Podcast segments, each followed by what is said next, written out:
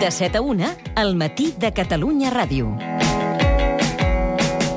Ara passen 3 minuts d'un quart de nou del matí. Mm, Carlos Baraibar, Domènec Sobirà, Montse R, Mireia Isar, Laia Claret, bon dia a tothom. Bon dia. Comencem la nostra taula de premsa. El moviment del règim de l'Assad que ha permès que els observadors internacionals visitin la zona afectada pel que tot apunta que ha estat un atac químic, que és a totes les portades. Obrim també el nostre informatiu amb aquesta informació.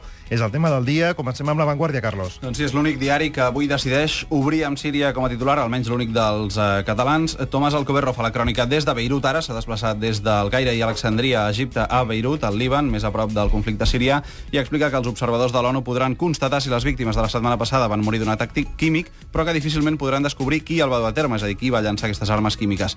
Dues pàgines més tard hi ha una anàlisi de Fawaz Gerges, director del Centre d'Orient Mitjà de la London School of Economics, recorda que l'Assad permet la visita pressionat pels Estats Units i per França, però recorda que estratègicament ara, ara pensar que el règim ha fet servir armes químiques va contra la lògica, ja que té els observadors a casa mateix i podria provocar una intervenció occidental. El pitjor de tot, conclou Gerges, és que la guerra destrossa el teixit social plural i que habitualment es podria considerar tolerant i converteix el país a l'extremisme. Serà realment difícil esbrinar qui va fer ús d'aquestes armes eh, químiques. Què diu el periòdico? Doncs el periòdico, d'entrada diem que ja no fa edició de l'estiu, per tant per ells ja comencen el curs. Sobre el tema del dia analitzen quines opcions hi ha per actuar i conclou que no n'hi ha cap de bona. Destaquem dues opcions. La primera, una conferència de pau amb participació de Rússia i els Estats Units que es faria dimecres a l'Aia. Com a desavantatge, el diari opina que no fructificarà perquè l'oposició no parla amb una sola veu. Hi ha molts grups que formen aquesta rebel·lió a Síria. I la segona opció, ocupar els magatzems d'armes químiques. El desavantatge doncs, és molt clar, ningú no sap ben bé on són i, a més, obliga a desplegar tropes al terreny.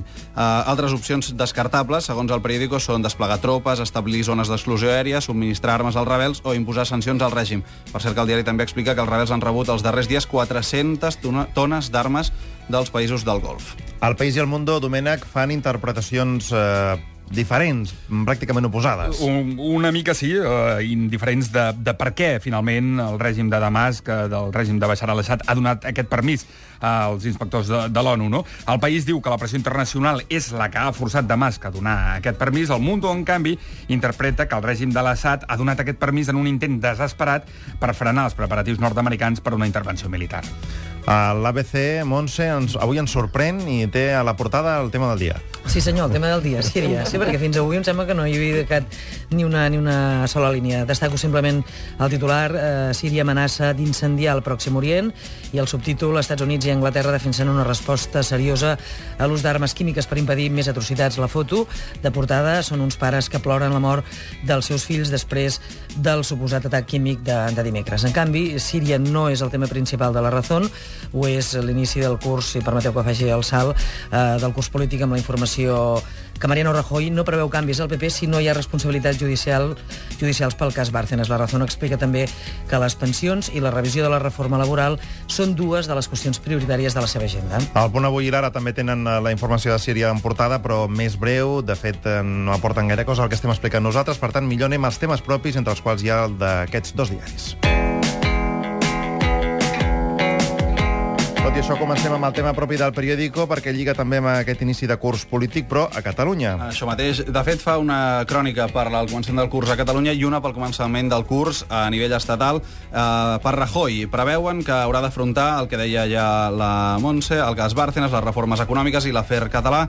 El periodista Carlos Elordi, en una columna d'anàlisi, a més, afegeix que, al contrari dels que molts podrien pensar, Rajoy té el tempo del que passi a les seves mans i dona una dada que ho avala. En plena tempesta pels sobresous i les donacions il·legals al PP, amb l'atur disparat i els dubtes pesant sobre l'economia, Rajoy ha fet les vacances més llargues de la història de la democràcia. És a dir, ha estat el període més llarg sense el president al seu lloc de treball, diguéssim, des que es va reinstaurar la democràcia a l'estat espanyol. Pel que fa a l'inici del curs de mas, diu que li toca la consulta, la reducció del dèficit i el cas Palau. El diari Ara dèiem que obre amb un tema propi interessant. Mireia parla de pressupostos, de xifres, de cara a l'any vinent. Doncs sí, i diu que la tresoreria de Mas ja no penjarà el 2014 2014 del fil de Rajoy. Ho expliquem. La Generalitat haurà de pagar 11.000 milions menys en venciments de deute l'any que ve, segons els càlculs del diari, i això és perquè s'hauran pagat els anomenats bons patriòtics. L'últim pagament d'aquests bons serà la primavera del 2014. A partir de llavors, la quantitat de venciments que haurà d'afrontar el govern serà, per tant, molt menor. I aquests 11.000 milions d'euros que reduiran dels venciments de deute són exactament la mateixa xifra del rescat demanat al govern central a través del Fons de Liquiditat Autonòmic del 2013. Això vol dir que, aparentment, la Generalitat ja no necessitarà recórrer-hi i tindrà les mans molt més lliures. Malgrat tot, des del Departament d'Economia són prudents i diuen que no poden assegurar que el 2014 no faci falta un cop de mà des del FLA. El bitllet del cap de política del diari, Ferran Casas, que també està dins d'aquesta notícia pròpia del diari, afegeix que si la Generalitat no depèn tant de l'Estat, això es converteix en una raó objectiva i de pes per no posposar el referèndum. Hi ha diverses informacions pròpies avui al voltant de Gibraltar. Comencem amb l'ABC, Montse. Sí, l'ABC ha accedit en exclusiva als informes jurídics oficials i privats del Ministeri d'Afers Estrangers sobre l'anomenada taxa de congestió de la línia de la Concepción. Segons el diari, la taxa que el govern espanyol estudia imposar per circular per la carretera que dona accés a Gibraltar des de la línia no infringiria, en principi, el dret de la Unió Europea. O sigui que l'executiu de Rajoy podria fer pagar un peatge sense vulnerar la llei. I la Razón també té tema propi, el destaca la portada, assegura que restes arqueològiques d'Andalusia es van fer servir per omplir Gibraltar. La font, segons el diari, és un extreballador de l'empresa que es dedicava a extreure pedres del penyal. L'home afirma que s'han expoliat jaciments que van des dels 7.000 anys abans de Crist fins a l'època àrab. I el punt avui també parla de Gibraltar. Doncs sí, pronostiquen que aquest any la seva diada nacional serà especialment reivindicativa. Diuen Gibraltar es prepara per un National Day reivindicatiu. Això serà el 10 de setembre. En una doble pàgina, a més a més, recullen tota la història de tensions entre Gibraltar i Madrid i diuen que aquest 10 de setembre encara hi haurà més banderes en els balcons i es llançaran 30.000 globus blancs i vermells des de la John McIntosh Square. El Mundo no s'oblida del cas Bárcenas, Domènec. És eh, el tema propi i tema principal de portada. Diu que l'exgerent del PP, Cristóbal Páez, va cobrar 350.000 euros de més després d'amagar els papers de Bárcenas. El que ve a dir és que va cobrar això com a recompensa per haver amagat documentació comptable que podria evidenciar que hi havia aquesta famosa caixa B, aquesta comptabilitat en del Partit Popular. El diari afirma que Rajoy va acomiadar Páez per exigència de Luis Bárcenas, diu que li, correspon que li corresponien 111.500 euros d'indemnització, però va cobrar aquests i 350.000 euros més en concepte d'indemnització complementària, cosa que el diari demostra eh, fins i tot amb el document d'aquest acomiadament firmat, d'acord? I que seria aquesta recompensa per haver, eh, per haver callat. per haver callat, però recordem que com va passar pel jutjat eh, no va callar tant. Eh? Després va no va callar tant, Una exacte. informació que va ser prou interessant aquest estiu. La Vanguardia fa una comparativa molt interessant eh, de preus de matrícules universitàries entre comunitats. Doncs s'hi parla de ruleta de les matrícules universitàries. Dediquen dues pàgines a aquestes diferències de preus per fer una carrera aquí o altres comunitats. Per exemple, infermeria aquí valdria uns 2.300 euros pels estudiants amb més poder adquisitiu, mentre que Andalusia val 750 euros o 1.900 euros a Madrid. L'article recorda que els preus de les eh, carreres universitàries els marquen les comunitats. La Generalitat, per tant, argumenta que si aquí són més cares les carreres és perquè les universitats són millors que la resta de l'Estat. A Galícia o Andalusia diuen i treuen pit que són barates allà perquè les pugui fer tothom. El país eh, relaciona retallades i increment a les llistes d'espera pel que fa a la sanitat. És el tema propi, també tema de la portada, d'alguna manera ve a revisar les conseqüències de la crisi, en aquest cas en el, en el tema de la sanitat, i dona aquestes xifres. El termini per a una operació ha passat de 76 a 100 dies en 6 mesos. Ho atribueix a les retallades pressupostàries i de personal, i entre les xifres destaquem també que el 16,5% dels retards són de més de 6 mesos, que és el màxim legal permès per la llei, o sigui que eh, eh, s'està vulnerant la llei, no? Complementa el tema amb una entrevista, diguéssim, la- l'altra cara, no?, que potser passa més desapercebuda, però que també existeix, una entrevista al portaveu de la Federació de Joves Investigadors que dibuixa un panorama molt pessimista i adverteix, de fet és el titular, que els científics que se'n van no se'ls enganyarà una altra vegada perquè tornin a venir a treballar aquí. Anem a la premsa digital. Laia, ens vols destacar temes de público i singular digital. Al Público hi apareix un nou vídeo d'Anonymous. El col·lectiu diu que aviat publicarà noves informacions que vingulen el govern espanyol del PP amb narcotraficants. El diari explica que Anonymous s'ha introduït a diverses webs del partit i assegura tenir documents que demostren, a més a més, tràfic d'influències amb jutges, policies i responsables de duanes. L'operació es diu Secret Files Part 2 i la veu en off amenaça que ja no hi ha marxa enrere i que actuaran ben aviat. L'altre tema propi d'aquest de Singular Digital, el titular és aquest.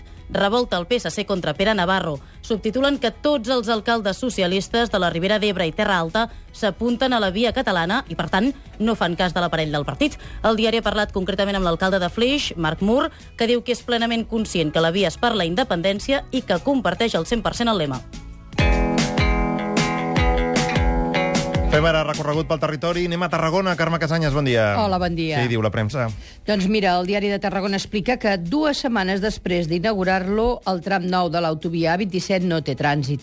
Segons el rotatiu, la Generalitat encara ha de redactar el protocol que obligui a circular els camions amb mercaderies perilloses.